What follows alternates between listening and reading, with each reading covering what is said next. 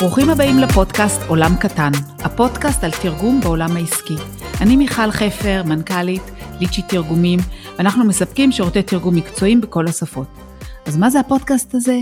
כאן אנחנו הולכים לשוחח, אנחנו משוחחים עם לקוחות ואנשים שעובדים איתי, ואנחנו שומעים על הסיפורים שמאחורי התרגומים. בפרק הזה אני שמחה מאוד לארח את דוקטור דן הרמן, מומחה לפסיכולוגיה של קונים ואסטרטג עסקי ושיווקי, שמפתח עבור חברות בארץ ובעולם פתרונות יצירתיים להגדלת הכנסות. הוא משפר עבורם רווחיות וצמיחה, והמומחיות שלו היא ביצירת מותגים עוצמתיים. דן, שמחה מאוד שהגעת.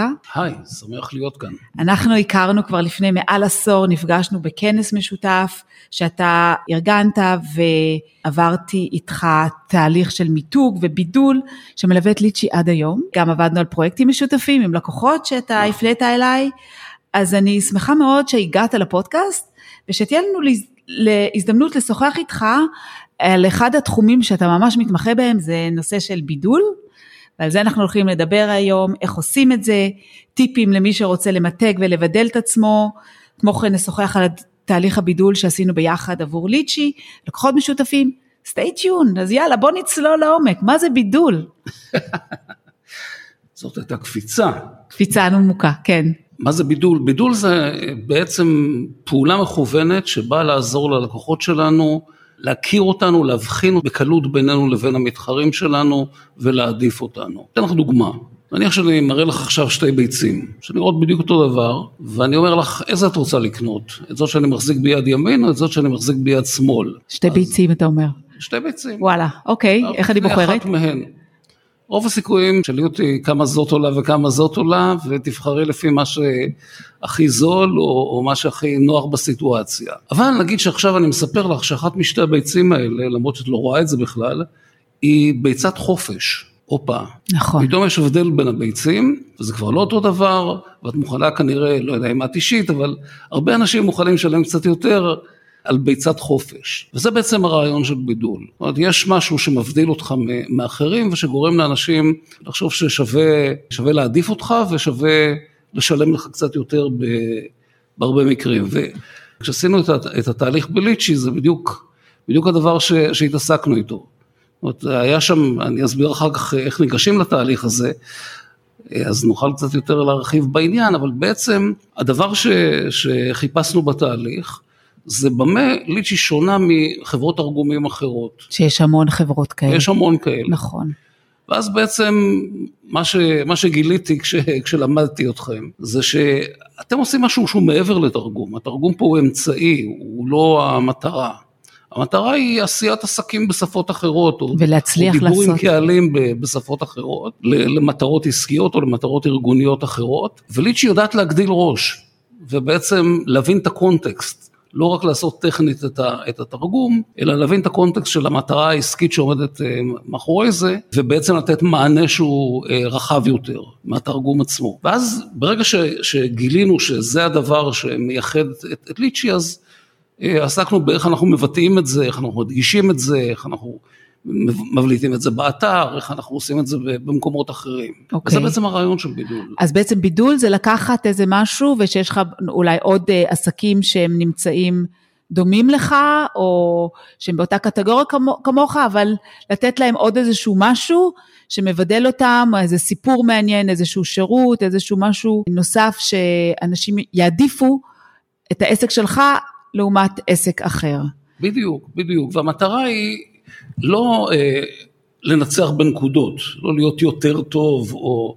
כי זה משהו שלקוחות בדרך כלל לא באמת מסוגלים להבחין. באיכות? מי יותר טוב, מי פחות טוב, בטח לא לפני שהם אה, קנו את המוצר או צרכו את השירות. המטרה היא שלקוח יגיד אי אפשר להשוות. אה, זה מעולה, אי אפשר להשוות. ו... כאילו את הביצת חופש, אתה לא לגמרי יכול להשוות לביצה אחרת, כן, כי, כי יש לך את כל הסיפור של הביצה שמסתובבת, לה... שהתרנגולת שמסתובבת לחופשייה, זה...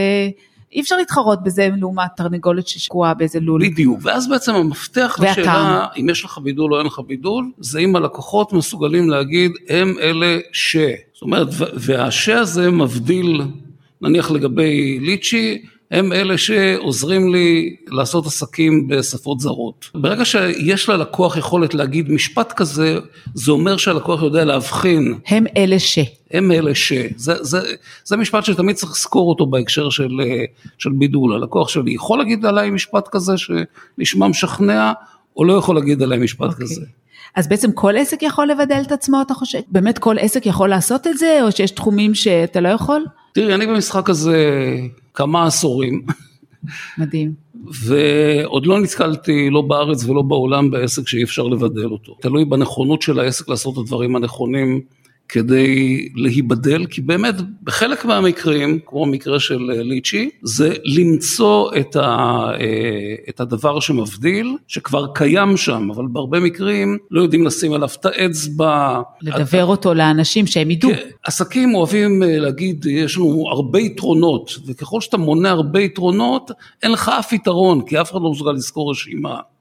לעומת זאת אם יש דבר אחד שמבדיל אותך אז אנשים יזכרו אותו כי חוזרים עליו כל הזמן ומדגישים אותו בכל דרך. אז בחלק מהמקרים באמת, וזה הדבר הראשון ש, שאני תמיד מנסה לעשות, זה למצוא משהו כבר קיים ואז לסלק אה, מסביבו את הרעש ו, ולמצוא את הדרכים להבדיל אותו. לא תמיד זה באמת כל כך אחד לאחד כמו, כמו במקרה של ליצ'י, לפעמים זה דורש פרשנות מסוימת. אם יש לך דוגמאות, אני כן, אתן לך דוגמה. כן, כן.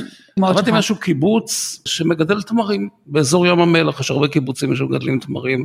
באזור ים המלח, ואנחנו רוצים להגיד משהו על התמרים של, של הקיבוץ הזה. לקחנו את העובדה שהתמרים האלה גדלים במקום הכי נמוך בעולם, פירשנו את המקום הכי נמוך בעולם כהמקום הכי קרוב ללב של אימא האדמה. אוקיי. Okay. ויצרנו את המותג גאיה's heart, הלב של גאיה, הלב של, אה, של אימא האדמה. הבת שלי קוראים לה גאיה, אני אוהבת את השם הזה. כן. כל מה שהיה לנו להגיד על, ה, על התמרים, באמת יש שהמיקרו אקלים באזור הזה, וה, והחומרים שספוגים בקרקע וספוגים באוויר, משפיעים על הטעם של התמרים ונותנים... זה באמת להם, משפיע או שזה סיפור? זה באמת משפיע, כן, זה ריבוי חמצן מאוד גבוה, ויש אז זה חשוב, חומרים אוקיי, באוויר, ש... אבל אי אפשר להתחיל שם.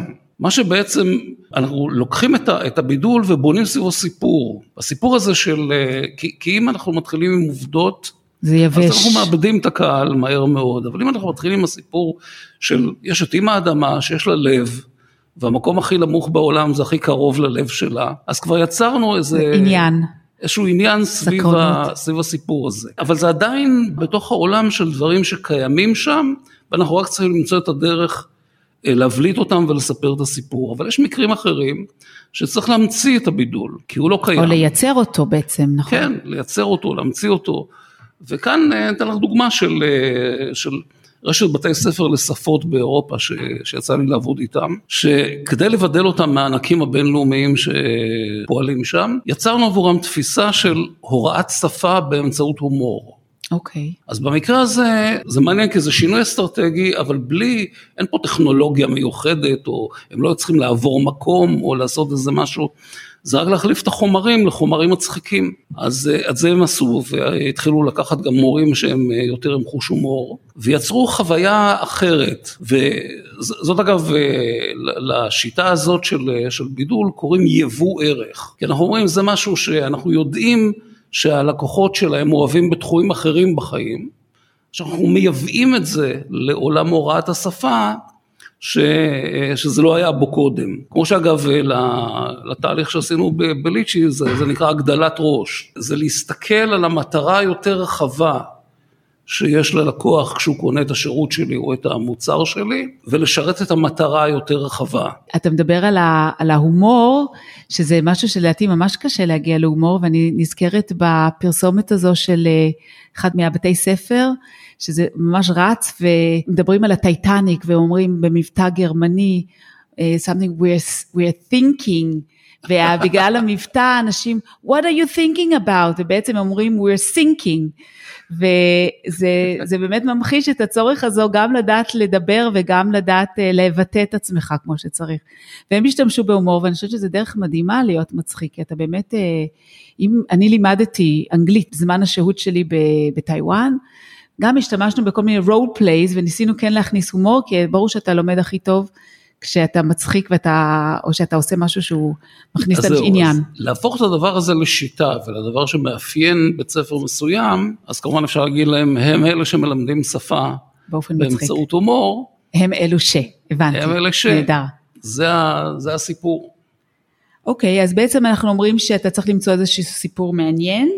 יש גם בידול ויש מיתוג, נכון? שזה שני דברים. נכון, שאנשים מתבלבלים. נכון. בוא תסביר לנו.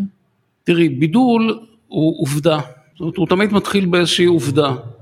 התמרים גדלים באזור ים המלח.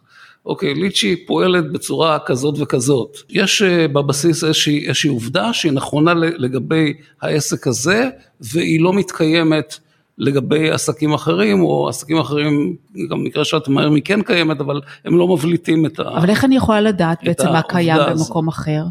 הרי אני לא תמיד יודעת איך חברה אחרת, יש כל כך הרבה חברות אה, מתחרות בתחום מסוים, אתה עושה מחקר לא, שוק ודאי, או משהו? ודאי, ודאי. תמיד, אה, תמיד מסתכלים על מה, מה עושים אחרים, סביבה היא, היא פה מאוד חשובה. ואגב, לכן אם אנחנו חוזרים לנושא של, אה, של לעזור לאנשים לעשות עסקים במדינות אחרות, או בשפות אחרות, לא תמיד בידול עובר טוב ממדינה למדינה. אוקיי, מה זה אומר? זאת אומרת, אה, לפעמים מה ש- משהו בידול במדינה אחת, כשבאים איתו למדינה אחרת, אז יש כבר עסקים שמשתמשים בטיעון הזה או עושים את זה, ו- וצריך לבחון תמיד, כשאתה נכנס למדינה אחרת, מתחיל לפעול במדינה אחרת, אם זה עדיין בידול. אוקיי, אמרת לי דוגמה על אורנג', כי כן, לפני- אורנג' הייתה דוגמה טובה לעניין הזה, כי באנגליה כאשר המותג הזה הושק, זה היה מותג עממי, זה היה חלק מהמותגים שפתחו את השוק להמונים, כמו במעבר מפלאפון לסלקום אצלנו, זה היה שינוי טכנולוגי שאפשר אה, עליית ה-GSM, הגיעו חברות אה, חדשות ואפשרו מחיר הרבה הרבה יותר נמוך ומכשירים יותר קטנים ואלגנטיים.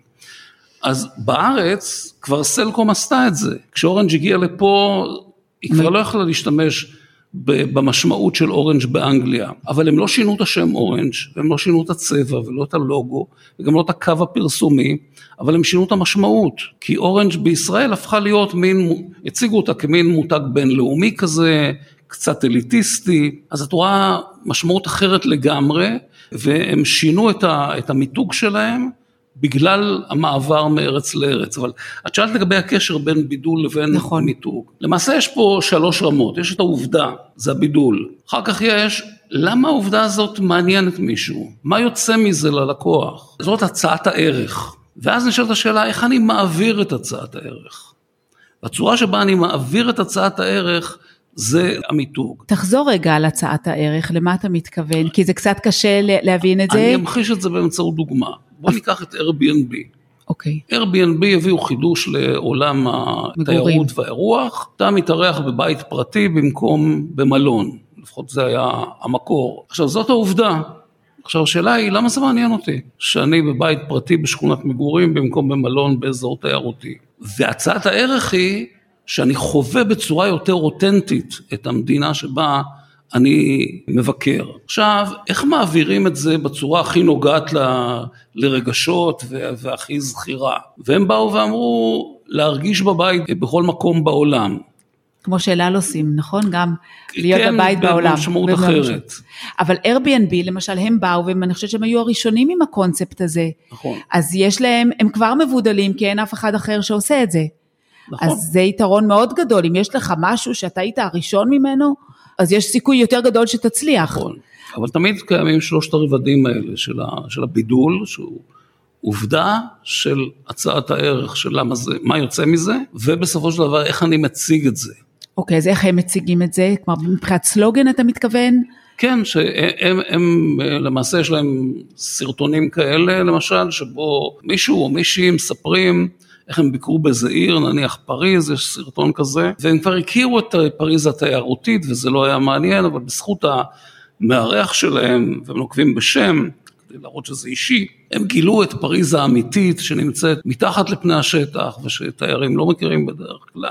אני מתה ו- על הנסיעות האלה, אני באמת מרגישה בבית בכל מקום הם- שאני נוסעת. ואז הם מחוברים אל, ה, אל המקומיים, זה, שזה זה בעצם, החיבור הזה אל המקומיים ואל אורח החיים המקומי, זה למעשה המותג Airbnb. אוקיי, אני חושבת שגם, באחת הסדנאות שלך שמעתי על אה, איזה חנות נעליים, שהביאו, אולי שולחים הביתה את הנעליים. זאפוס. אז תן לנו עוד דוגמה, כי דרך הדוגמאות אנחנו פשוט מבינים יותר טוב את הנושא של המיתוג. טוב, זאפוס היו באמת, במקור היו אה, אחת החנויות הראשונות אה, לנעליים באינטרנט. זה רק מראה שאני הייתי אצלך בסדנה, זה היה טרום, מזמן, כן, מזמן, כן. זה היה כנס אה, לדעתי הרבה לפני הקורונה, אז... אבל אה, אני זוכרת עדיין עשר שנים. זאפו זה תמיד סיפור טוב, הם בעצם אה, החליטו שהם משרת, הם משרתים את הלקוח no matter what. כי לכאורה זה לא סיפור נורא מעניין חנות אה, נעליים. נעליים באינטרנט, אמנם לא היו כל כך הרבה אז, אבל גם לא היו כל כך הרבה קונים, אז אה, כל העסק היה בתולי. אבל הם באו ואמרו, אם אתה מחפש נעליים ולנו אין למשל את זה, אז אנחנו נגיד לך איפה אתה יכול לקנות את זה, אפילו נעזור לך לקנות את זה במקום אחר, כי אנחנו לא חושבים כרגע על המכירה. אנחנו חושבים על מערכת היחסים שאנחנו בונים איתך. נהיו עם הזמן המון סיפורים על איך עובדי זאפוס, שבאמת קיבלו לעניין הזה מנדט מלא מהמנהלים שלהם, מטוני שיי שהיה האיש מאחורי זאפוס, נסעו מאות קילומטרים כדי להביא ללקוחה נעליים לחתונה של הבת שלה, אה, שהייתה צריכה בדחיפות. כמובן שהם מיני- יעלו את כל זה אחר כך לספר את הסיפור, כי אז זה מחזק את המותג.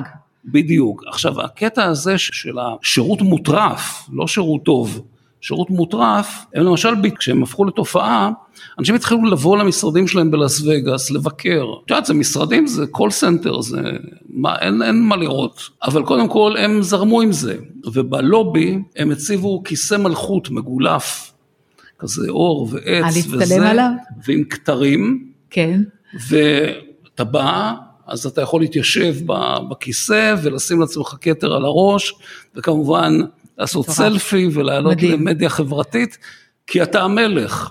זאת אומרת, הם לא הסתפקו באמירה, הלקוח הוא המלך, הם, הם עשו סביב זה. השגה שלמה, שבעצם אפילו חווייתית. המכ- המכירה של הנעליים זה רק כאילו באיזשהו תירוץ אולי לבוא אליהם למרכז מבקרים. כן, הסיפור של ה... מכיוון שאנשים אה, התחילו לאהוב את המותג ואת מה שהוא מייצג, אז הם גם קנו נעליים. אגב, הם נרכשו על ידי אמזון באיזשהו שלב. אוקיי, אז בעצם יש לך, יש לך עסק, אתה כבר יש לך איזושהי הצעת ערך, יש לך את המוצר שלך, את השירות, את ההצעת ערך, אתה יודע מה אתה רוצה לעשות, ואז אתה צריך לעשות את המיתוג שלו. לא, את הבידול התהליך? שלו קודם. המיתוג קודם? בידול, בידול הבידול קודם. קודם, אז איך כן. ניגשים לבדל? אני אחדד את זה. אמרתי, יש שתי דרכים, יש את הדרך של למצוא משהו קיים ולהבליט אותו, או ליצור משהו חדש, אבל בעצם צריך, צריך להבין את, את הנושא הזה של, של מיתוג. מיתוג זה למעשה ניהול ציפיות. מותג המקום שהוא חי זה בבטן של הלקוחות. אם אני אומר לך שם של מותג כלשהו, נניח דיסני, מיד יש לך בראש איזושהי חוויית דיסני. אני אומר לך אפל, יש לך מיד כן. בראש חוויית אפל. כל מותג גדול, אפילו לפני שניסחת את זה במילים, כבר יש לי תמונה, כבר יש לך זה סיפור, תחושה, ברור. כן, תמונה או כל מיני דברים. אבל כי יצרו את זה לאורך השנים, בנו את זה, ואני ב- קראתי עליהם והבנתי. בדיוק, והציפייה הזאת זה מה שגורם לך לרצות את המותג. זאת אומרת, כשאת באה לבנות מותג, השאלה היא, למה יצפו ממני? אני צריך להחליט מי יצפה ממני ולמה יצפו ממני. כשאני מצליח, וכמובן ככל שזה מיוחד ומבודל למה שמצפים ממני, אז ללקוחות יותר קשה לוותר עליי. אגב, גם בתקופות מיתון, ככל שאני יותר, יותר מבודל, אז אה, לקוחות יותר זוכרים אותי, לקוחות יותר מתחברים אליי, וקשה להם יותר אה, לוותר. עליי. אז אה, כשאתה מלווה מישהו, אז איך אתה, איזה תוכנית אתה עושה בשבילו, איך זה הולך, יש איזה שהם שלבים שצריך לקחת, מה אתה צריך מהבן אדם או מהעסק? כן, התחום הזה מאוד, מאוד השתנה. כשאני למדתי באוניברסיטה, אסטרטגיה זה היה, אה, אתה מגדיר מטרות, בונה תוכניות. היום אנחנו בעולם הרבה יותר משתנה ודינמי, אני לא מחדש בעניין הזה, ואנחנו הרבה יותר עוסקים בלזהות הזדמנויות ולמצות אותן במהירות. ומה ש, שאני עושה ב, עם לקוחות בשלב ראשון זה פיצוח, להבין את, ה, את המטרה שלהם, למה בעצם מה האתגרים בדרך להשגת המטרה שלהם, ומה צריך לפצח שם. איך מביאים את הרעיון איך לעשות את זה. כי זה מאוד קשה לצאת מתוך המחשבה שלך על העסק שלך, ולחשוב על איך אחרים יראו אותך, מה לכן- חשוב לאחרים. לכן יש זכות קיום ליועצים. ממש, ממש, כי, כן. כי בעל העסק הוא תמיד מומחה הרבה יותר גדול לתחום שלו מהיועץ. והוא גם לא תמיד אבל, מודע למה שקורה מסביב, הוא יודע אבל חלקית. אבל יועצים, יועצים אסטרטגיים, מביאים איתם את היכולת החשיבתית הזאת של להסתכל על זה אחרת, של אה, למצוא את הדברים שהם אה, מתחת לאף אבל אף אחד לא רואה, של להביא את הרעיון איך לעשות את זה בצורה אחרת, אבל שלקוחות יחשבו שהיא, שהיא אטרקטיבית ושהיא מושכת. וזה מתחיל בפיצוח, ואחר כך זה כבר עבודה של, של לנסח מסרים ושל לבנות את הסיפור ולבנות את החוויה ו, וגם לעבור את כל, את הגרפיקה גם, נכון? אתה כמובן, בצבעים ובלוגו ובווידאו ובאתר ובברושורים והכל. כל סוגי התכנים. כי זה מאוד חשוב אם זה מופיע על פני כל הפלטפורמות, אז אתה מחזק את המותג, נכון? בדיוק. אם אתה משתמש בלוגו ובצבעים, גם בכותרות. ולא, ולא רק, הדבר הכי חשוב זה להשתמש בו שוב ושוב, זה במסר המבדל שלך. זה, זה הדבר ש... כי בסופו של דבר אנחנו צריכים להיות צנועים, אנחנו מצפים מלקוחות לזכור עלינו רק דבר אחד. אני תמיד מדבר עם לקוחות, מבקש מהם להשתחרר מרשימות. אה, הלקוח צריך לזכור זה דבר אחד. בתחילת הדרך שלנו אנחנו גם עשינו תהליך משותף יחד, אתה עזרת לי לעשות את הבידול של ליצ'י, כי באמת אני הייתי במקום שיש הרבה חברות תרגום. הבידול הראשוני שאני יצרתי לעצמי זה ליצ'י, זה פרי אסיאתי ותרגום לשפות האסייתיות, וזה היה לי קל כי גם לא היה אף אחד אחר בעניין, אז זה היה יותר קל, ואחר כך, עם השנים שרציתי להרחיב את הפעילות שלי, אז פניתי אליך, ולהרחיב את הפעילות לכל השפות, אז בעצם ראיתי שאני מול ענקים ומלא מלא חברות אחרות, ואיך אני מייצרת את הערך שלי. אנחנו באמת חשבנו על זה ביחד, ו... לי באמת מאוד חשוב לעזור ללקוחות שלי להצליח בשוק הבינלאומי. כלומר, באמת אני רואה את, ה, את הערך הזה שיצליחו, או לפחות שאני אוכל לעזור להם להעביר את המסרים, אבל העברת המסרים זה רק היה דבר אחד, אחר כך אה, הוספתי למשל פורום ליצ'י לעסקים. שני כן. דברים על מה שאמרת. אחד, על מה שעשית לפני שנפגשנו. אוקיי, זיהית בשוק שאת יכולה לבדל את עצמך אה, על ידי התמחות בשפות של המזרח, המזרח הרחוק. התחיל ביקוש לזה, לא היה, לא היה לזה הרבה מענה בשוק הישראלי והחלטת שאת מבדלת עצמך ככה. יצרת מטאפורה, בחירה בפרי הליצ'י שמזוהה עם, עם המזרח הרחוק, זה כבר איך העברת את זה. זאת אומרת, יצרת סמל שהוא בעצם מתקשר לעולם, אז את רואה, עשית תהליך מיתוג, בידול ומיתוג עוד לפני שנפגשנו. כן. אחר כך עשינו עוד אחד. אחר כך עשינו כדי להרחיב, כי באמת כדי... אה, לא רק השפות האסייתיות, אלא כל שאר השפות. כן, מה שיפה זה שברגע שיש קונספט מבדל, אז הוא כבר מכתיב פעולות. למשל הפורום, מרגע שברור שליצ'י זה עוזר לעשות עסקים בשפות זרות, אז כבר אנחנו יודעים מה הזירה וזה כבר מכתיב כל מיני פעולות שיווקיות. חדשנות גם במוצרים ושירותים יכולה לנבוע מהקונספט המבדל והיא מחזקת את הקונספט המבדל. כי אז בעצם השאלה מתחילה להיות מה עוד אני יכולה לעשות או אנחנו יכולים לעשות כדי לעזור לאנשים לעשות עסקים בשפות זרות, ואז אולי ניתן להם עוד כל מיני עוד שירותים. עוד קשרים ו networking. קשרים ו networking. וחשיפה. וגם... וארגון של, של אירועים וכל מיני דברים. אבל אתה יודע, אני חושבת זה, זה מה שאני חושבת שאני נותנת ערך, אוקיי? אבל איך אני יודעת שזה מה שהלקוחות שלי חושבים? ואני פונה עכשיו, מי שמקשיב לפודקאסט הזה, תשלחו לי הודעה, תגידו לי, האם אתם חושבים שזה באמת הצעת הערך? איך אני יכולה לדעת שהם רואים את מה שאני רואה, ולגבי כל העסקים? קודם כל זאת החלטה שלך, כן? איך את מבדלת את, ה, את העסק שלך. ואם את משדרת את, ה, את המסר הזה בצורה אפקטיבית בכל מיני דרכים, אז תראי שאנשים מתחילים להגיד את זה. השאלה אם אומרים לי ו- או אומרים את זה לעצמם. ואסור לצפות שלקוחות יבינו את זה לבד. הם לא יבינו את זה לבד. כי מבחינתם, זה אחלה חברת אה, תרגומים, אבל הם לא יודעים ש... הם, הם לא מצליחים באמת לסדר לעצמם את הראש, צריך לעזור להם לסדר לעצמם את הראש, שיש פה משהו מעבר לתרגום עצמו. אז באמת אה, כשאנחנו בנינו את האתר, אני גם פניתי אליך ואנחנו פשוט אפיינו את האתר ביחד, ולהכניס בדיוק. את המסרים האלה עם סלוגן ומפת העולם, וגם כששדרגתי אחר כך את האתר, שמרתי על אותו אפיון, כי הוא פשוט עבד לי, שמתי דף על פורום ליצ'י לעסקים, ודף על ה- BNI ו networking, ודף על טיפים לעבודה עסקית בינלאומית. אז. ולהביא עוד ערך, והניוזלטר והבלוג, שהם כולם בעצם משרתים את הרצון שלי לתת כמה שיותר מידע וטיפים ועזרה למי שבאמת רוצה להצליח אה, בשוק הבינלאומי. ובאמת בקורס אנחנו עשינו, בתהליך הזה ליווי משותף, הגדרתי המון דברים שמלווים אותי כבר עשור, זה פשוט היה לי כנראה מאוד מדויק וזה עובד לאורך זמן. אני רציתי לשאול אותך, אנחנו בעצם גם עבדנו ביחד, אוקיי? בוא, בוא נעבור לאחד הלקוחות שאתה עשית להם את השיווק, זה חברת העוגן, ואתה הפנית אותם אליי, ואנחנו עשינו את התרגום, אז בוא, בוא תספר לי מה זה החברה הזו, למה היו צריכים תרגום, מה, מה, כן, מי הם? זה חברה לתועלת הציבור, חל"צ. עוגן היא למעשה קבוצה, קבוצה של, של ארגונים שעוסקת בארגון פיננסי חברתי, נותן מצד אחד הלוואות החל מריבית אפס ועד ריבית נמוכה לאוכלוסיות שלא יכולות לקבל את התנאים האלה אצל המלווים המסורתיים. אז צד אחד זה הלוואות, מדובר גם במשפחות וגם בעסקים וגם בעמותות. ומצד שני, יש להם כל מיני מסלולי מנטורינג, החל מלעזור לזוגות צעירים להתארגן לקראת רכישת דירה, ועד לייעוץ למנהלי עמותות ומנטורינג לבעלי עסקים קטנים. זה היום ארגון של חמישה או שישה ארגונים בתוכו, הולך וצומח במהירות.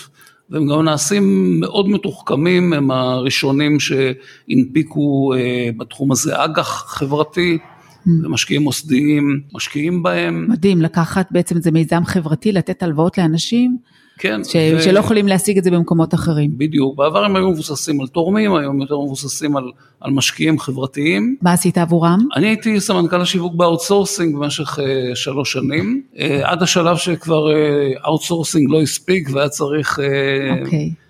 מנהלת שיווק פנימית פול טיים. כי באמת הפעילות שם גדלה, זה, זה, אגב הגוף הזה מתעתד להיות הבנק הראשון וואו. בעולם שהוא מלכ"ר, שהוא ללא okay. כוונת רווח. יופי, זה חשוב. אז מאוד. אנחנו עבדנו עליו, עבדנו יחד, כי באמת, פה זה היה מעניין, היו להם, יש להם מטרות מסוימות בארץ, יש להם מטרות בעברית ומטרות ברוסית ומטרות בערבית בארץ, אבל גם יש להם מטרות בארצות הברית, אז, אז היה מהלך מאוד חשוב כש, כשעבדנו יחד, של ליצור את אגודת הידידים בארצות הברית ולמעשה את פורום המשקיעים שלהם, התורמים שלהם בארצות הברית והמשקיעים החברתיים שלהם ו, ומה שעשינו יחד או מה שאתם עשיתם עבור עוגן זה בעצם לנסח את החומרים האלה ש, שפנו ופה זה, זה לא לתרגם, זה בעצם לפנות בשפה אחרת למטרות ארגוניות אחרות לקהלים מסוימים בעולם.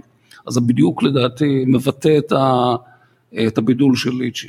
אוקיי, okay, מעולה, כי באמת לנו מאוד חשוב שאנשים יוכלו להעביר את המסרים שלהם לשפות אחרות, ולפעמים כשאתה מדבר בשפה שהיא לא שפת אם שלך, אתה יכול להרגיש לא מספיק טוב, לא מספיק חכם, לא מספיק מוכשר, וטוב לתת את הכלי הזה לידיים מקצועיות, שיעבירו את המסר שלך בצורה טובה.